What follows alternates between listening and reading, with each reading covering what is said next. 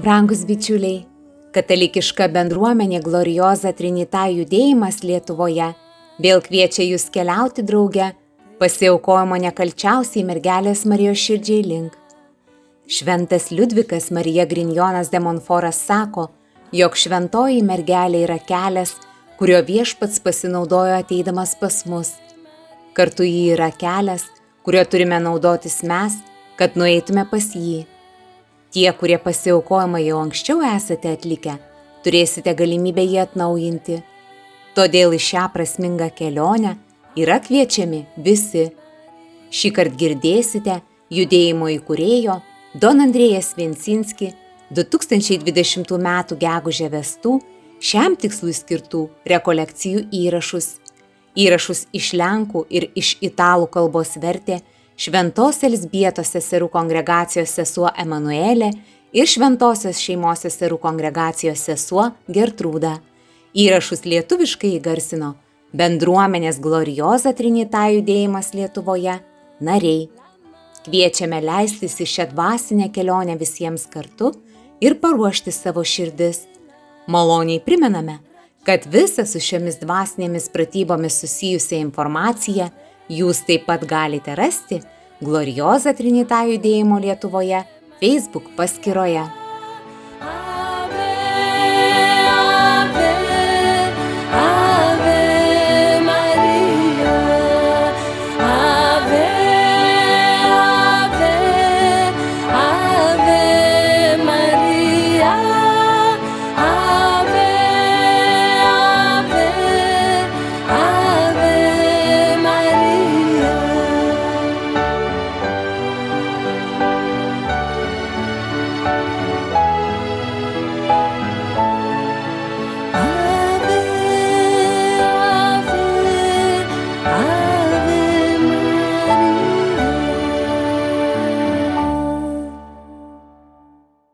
Nome del Padre, del Figlio dello Spirito Santo. Vardan Dievo, Tėvo ir Sūnaus ir Šventosios Dvasios Amen. Mylimieji Kristuje, nuoširdžiai sveikinu Jūs mūsų rekolekcijose su Marija išvaikštės. Katechezės, kuri lydės mūsų šiandien tema - švenčiausioji Dievo motina, mūsų gynėja ir priebėga.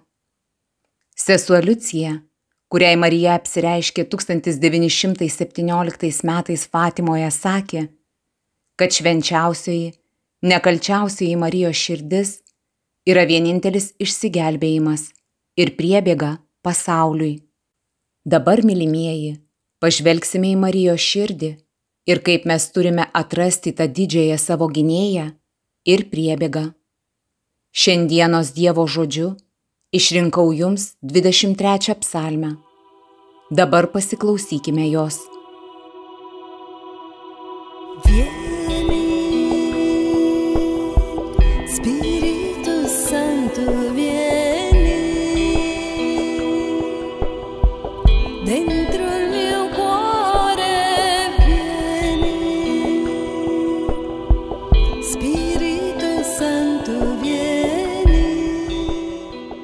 Jahvei ganytojas ir šeimininkas. Viešpats yra mano ganytojas, man nieko netrūksta. Žaliose pievose mane paguldo, prie ramių tvenkinių ganų. Jis atgaivina mano gyvastį, veda teisumo takais, kaip dera jo vardui. Nors einu per tamsiausią slėnį, nebijau jokio pavojaus, nes tu su manimi. Tavo ganytojo lasda ir vėzdas jie mane apgins. Tu padengi man stalą mano priešų matomoje vietoje, patepi dosniai mano galvą aliejumi. Sklidina mano taurė. Tik gerumas ir ištikima meilė lydės mane per visas mano gyvenimo dienas. Ir aš visada gyvensiu viešpaties namuose.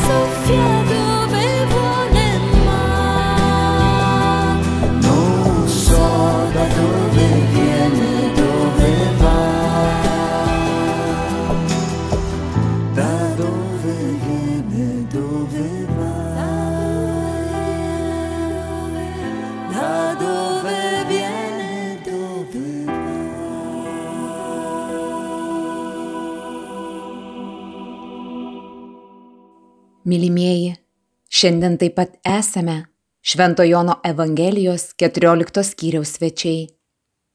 Jėzus mums sako šiuos žodžius. Aš ruošiu tau vietą. Ir tikrai, viena iš šių vietų mums yra nekaltoji Marijos širdis, kurią daugelis teologų pristatė kaip Izraelio arką. Toje arkoje, kuri buvo panaši į skrynę, kurią izraelitai nešė į pažadėtąją žemę, buvo sudėti trys dalykai. Arkos viduje buvo Dievo žodis, tai yra dešimt Dievo įsakymų, lasda arba Arono pastoralas ir manos, kuri izraelitams 40 metų keliaujant dykumą buvo jų maistu, likučiai. Tomas šios dienos Evangelijoje ieško kelio, kur eiti ir sako, viešpatė, mes nežinome, kur tu eini. Kaip mes galime žinoti kelią? Ir pažvelkite į jam atsakantį Jėzų. Aš esu kelias. Tas kelias yra būtent ta ganytojo lasda, kaip sako 23 psalmė. Viešpatė, tavo ganytojo lasda ir tavo vėzdas yra mano saugumas. Kiekvienas piemuo, o Jėzus yra mūsų gerasis ganytojas, turėjo dviejų rušių lasdas - mažą, savotišką beisbolo lasdą, kurią naudojo gindamasis nuo laukinių gyvūnų ar nuo kokio nors pavojaus, o taip pat ilgesnę lasdą, su kuria galėdavo patikrinti, ar krūmose nėra gyvatės ir panašiai. Matote, koks nuostabus yra šis aiškinimas aš esu kelias. Marijos širdyje, toje arkoje yra Arono lasda, kuri parodo kelią. Arono pastoralas. Tada aš esu tiesa. Tai reiškia Dievo žodį, dešimt Dievo įsakymų. Ir tada aš esu gyvenimas. Tai yra Euharistija, mana. Taigi matote, Marija pateikia mums šiuos tris dalykus. Nekaltojoje Marijos širdyje galime turėti ypatingą šviesą savo gyvenimo kelyje. Galime turėti Dievo, kuris yra Euharistija, buvimą ir tiesą, kurios mes ieškome. Šventasis Augustinas yra paaiškinęs, kad lasdos ir pastoralo kompozicija reprezentuoja du kryžiaus rastus. Lasda atspindi tą horizontalę dalį, kuri yra trumpesnė. Ant jos yra Jėzaus rankos. Tame yra jėga, todėl ši lasda naudojama apsiginti. Jėzus gina tave. O vertikalioji dalis yra ilgesnė. Tai pastoralo dalis, kuris rodo kelią. Ant jo yra Jėzaus kojos. Kojos, kurios vaikšto. Taigi tai yra bažnyčios mokymas. Ši katechezė taip pat yra tam tikra nuoroda, kuri parodo, kur eiti tau kaip žmogui, kaip šeimai, kaip visuomeniai, kaip šaliai. Ši interpretacija yra graži.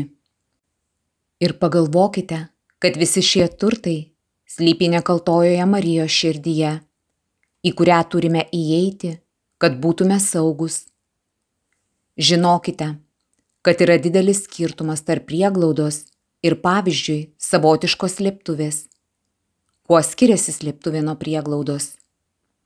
Slėptuvėje tu slėpiesi, nes bijai arba dėl to, kad nori ką nors slapta užpulti, surenkti pasalą. Tokia yra slėptuvės prasme. Ir tiek daug mūsų gyvena slėptuvėje. Suprantate?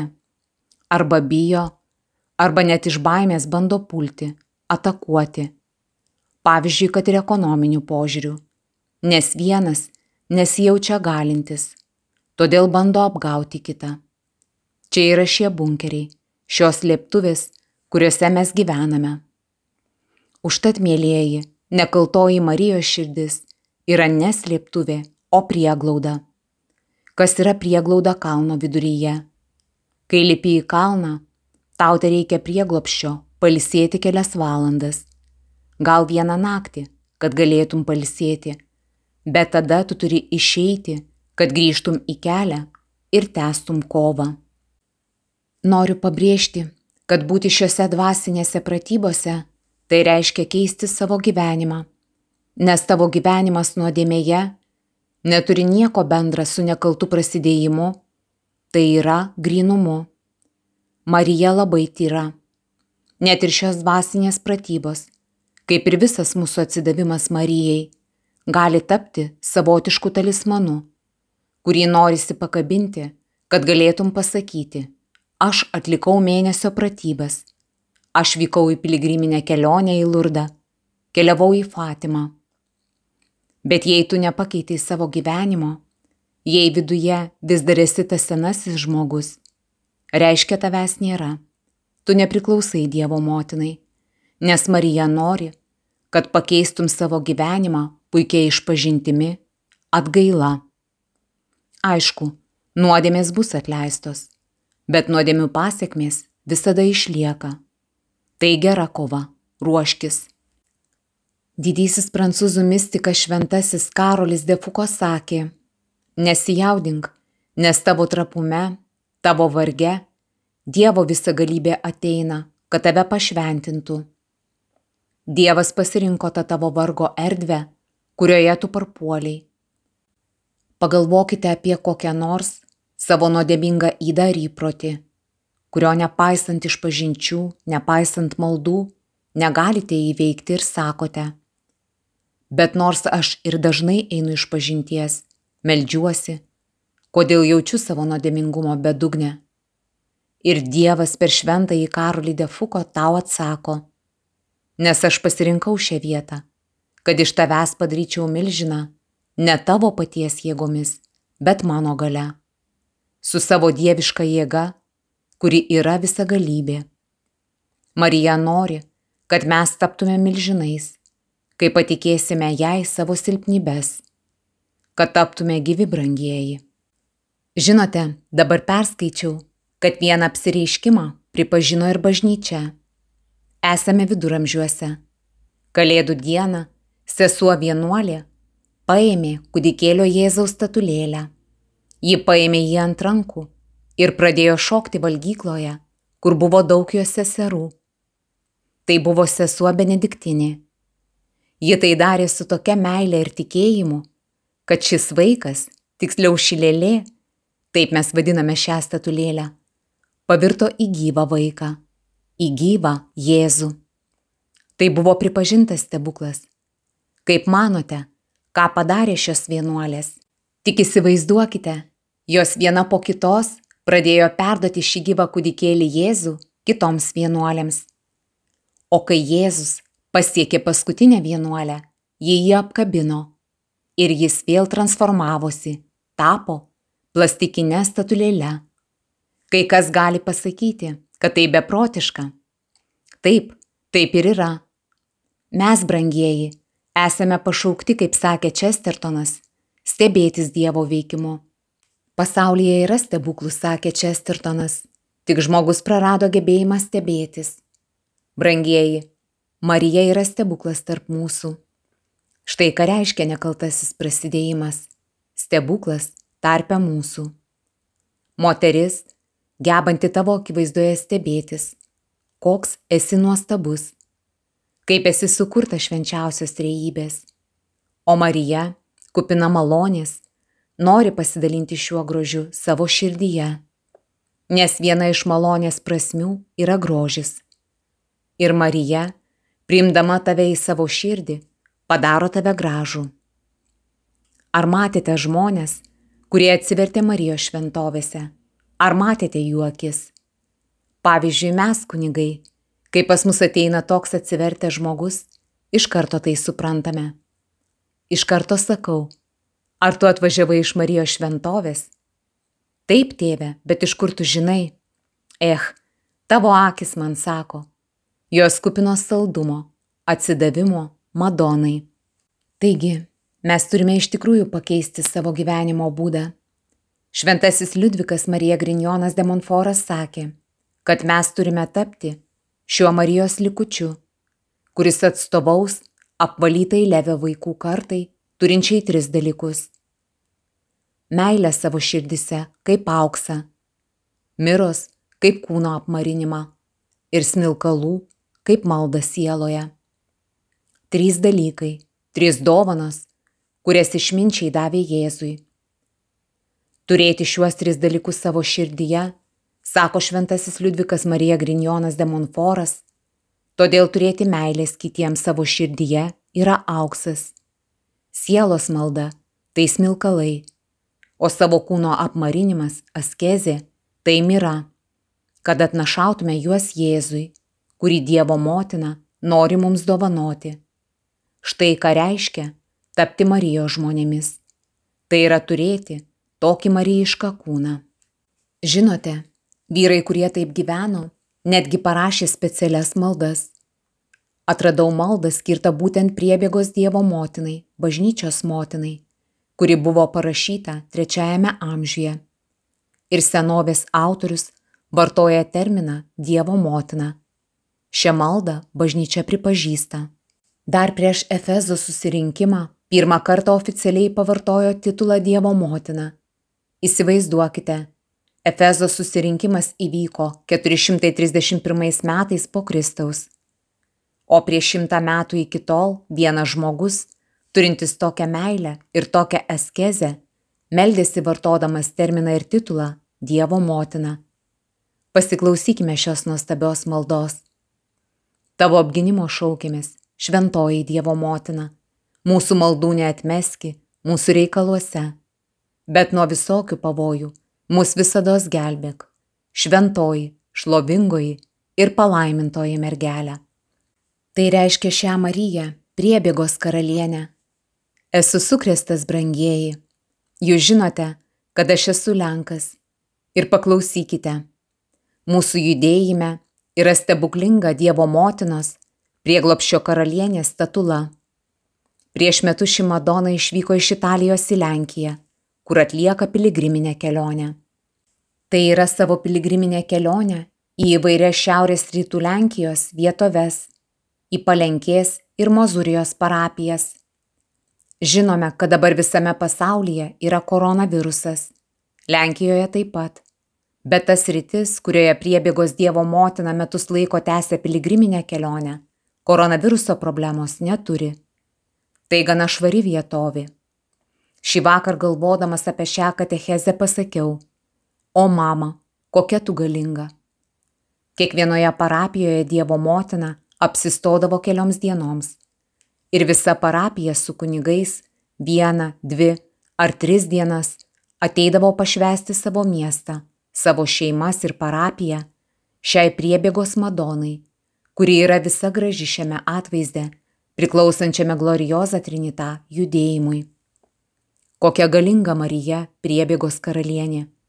Ar žinote, kad labai garsus popiežius prie kurio esu dvasiškai labai prisirišęs, Leonas XIII, miręs 1903 metais, parašė fantastišką maldą, skirtą būtent priebėgos Dievo motinai. Tai savotiškas egzorcizmas, kurį parašė popiežius ir aš noriu, kad dabar užbaigtume šią katechezę ir pasimelstume šio popiežiaus Leono XIII egzorcizmu, marijonišku egzorcizmu. Taigi dabar galite uždėti ranką ant širdies ir klausytis maldos, kad per Mariją išsilaisvintumėte iš visų nuodėmingų polinkių. Kokia nuostabi melodija ausims išgirsti. Sveikinu tave, motina. Ir saldi melodija, kurią norėtum kartoti. Sveikinu tave, o motina. Mano malonumas, mano maloniausia viltis, mano skaisti meilė. Jei mano dvasia prislėgta ir sunerimusi, ji kenčia skaudžiausia liūdėsio ir ašarų naštą.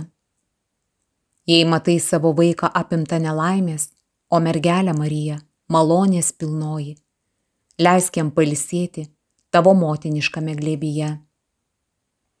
Tačiau dėja, paskutinė diena greitai artėja.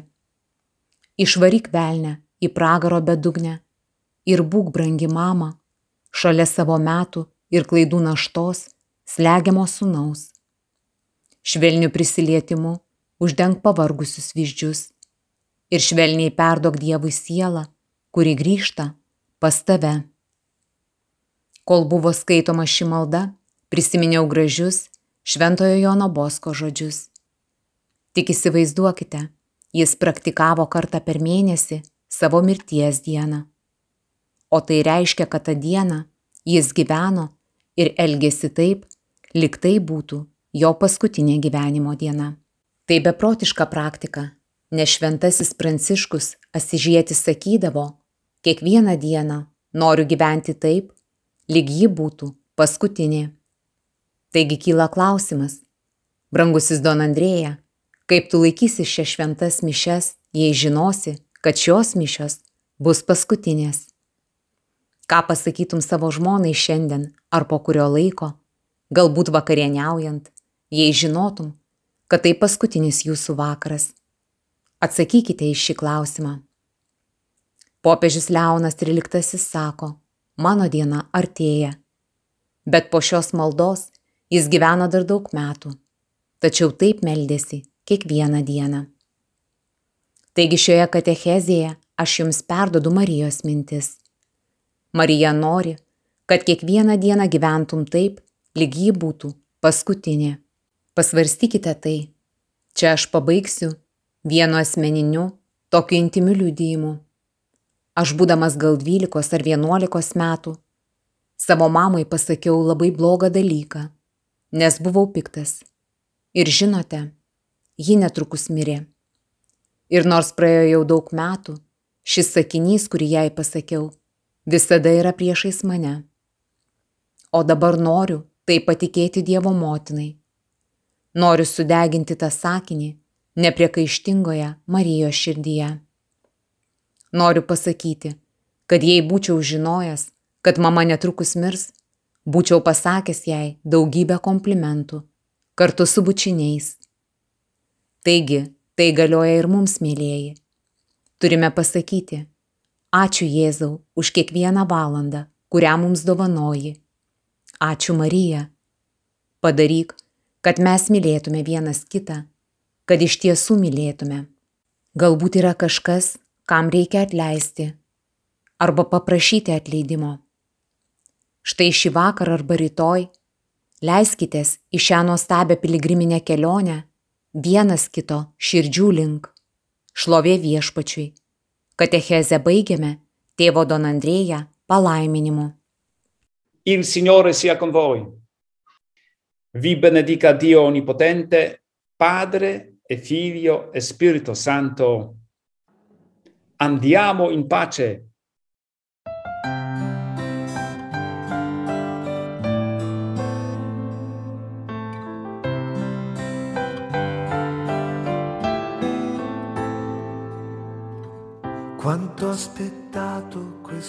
Sveiki, esu Ona iš Vilkaviškio rajonų.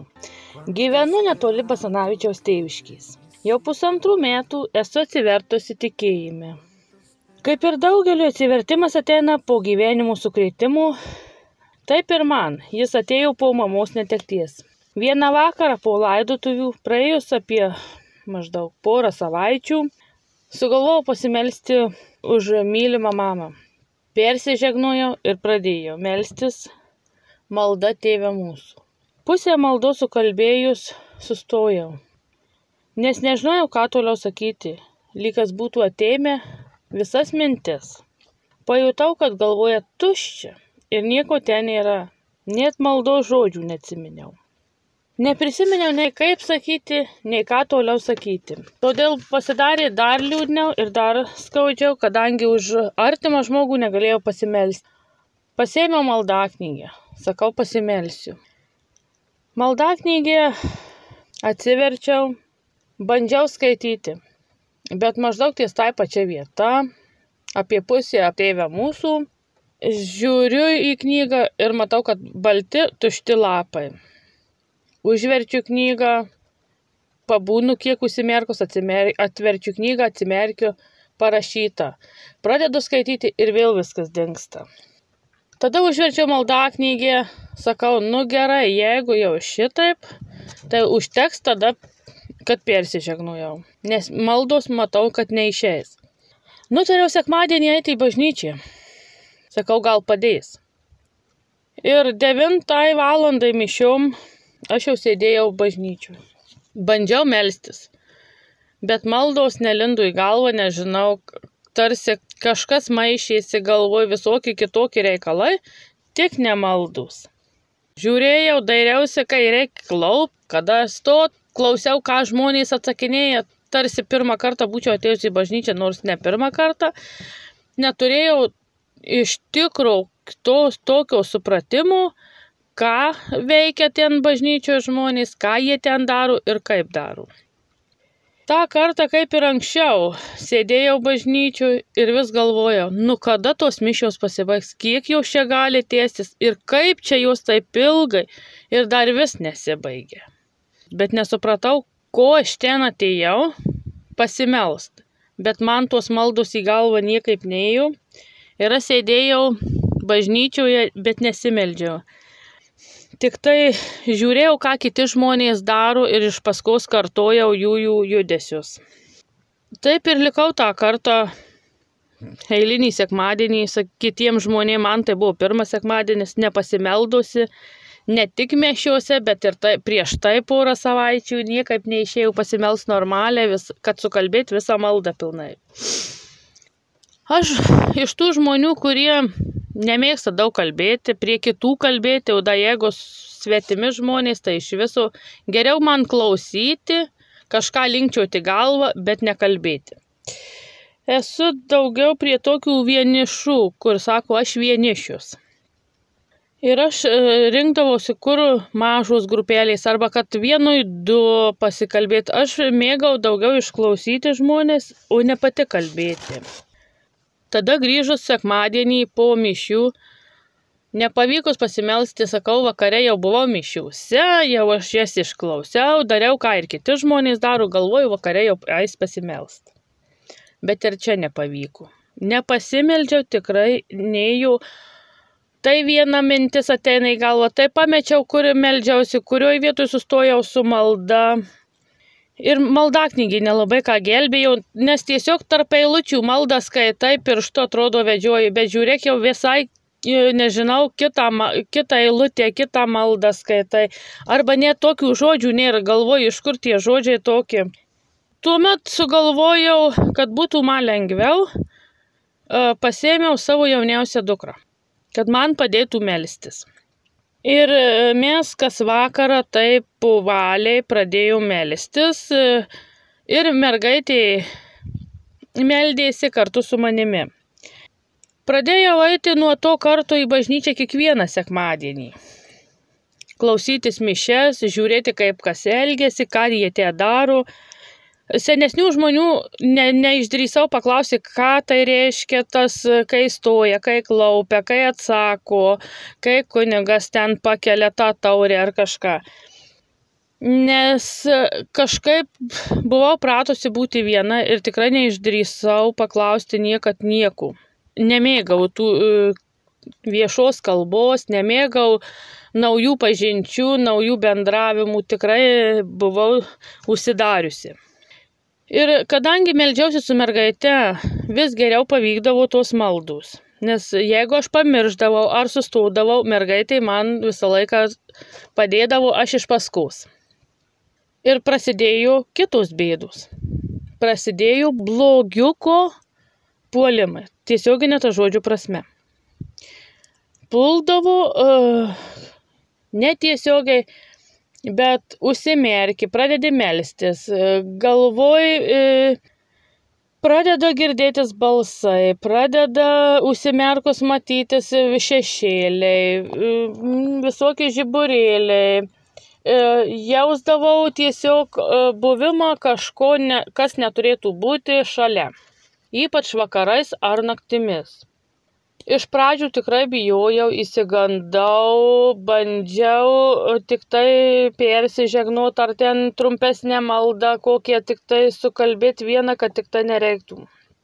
Ir po tų visų įsigazdinimų, puolimų sugalvojau nueiti iš pažinties, kurios nebuvau buvus maždaug 18 metų. E, nežinojau, buvau viską pamiršus ir kaip eit, ir ką sakyti, ir kas po ko, kaip elgtis.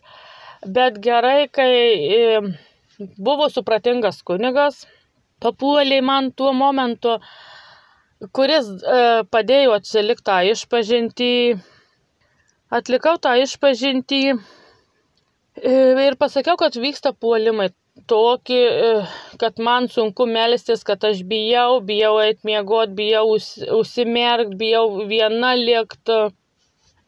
Tad tuomet kunigas manęs tik paklausė, kokiu laiku meldysi. Aš jam sakiau, aš meldžiuosi vakare prieš einant miegoti. Kunigas tuomet per išpažinti man pasakė tik tiek. Melskis dieną ir viskas susitvarkys meldžiausi ant pietų. Vaikus parvežu iš mokyklos su mašina ir ėmiau melstis. Bet ir tas nepadėjo. Vakare vos tik atsigulus tas pats.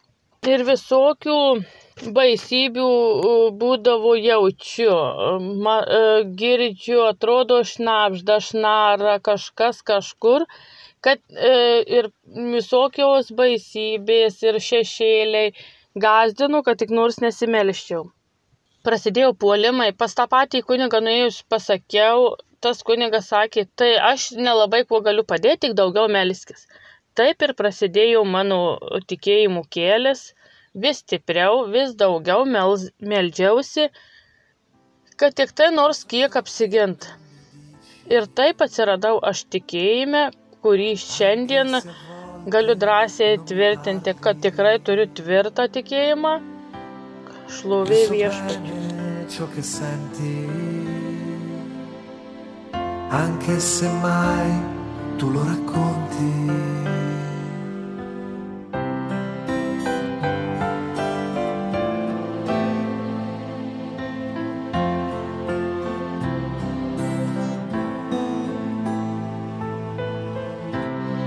al tuo fianco camminato, sono stato il tuo migliore amico. Nessuno ti ama come me, nessuno ti ama come me. Guarda la croce, è la mia più grande prova. Nessuno ti ama come me, ama come me, nessuno ti ama come me. Guarda la croce, è per te perché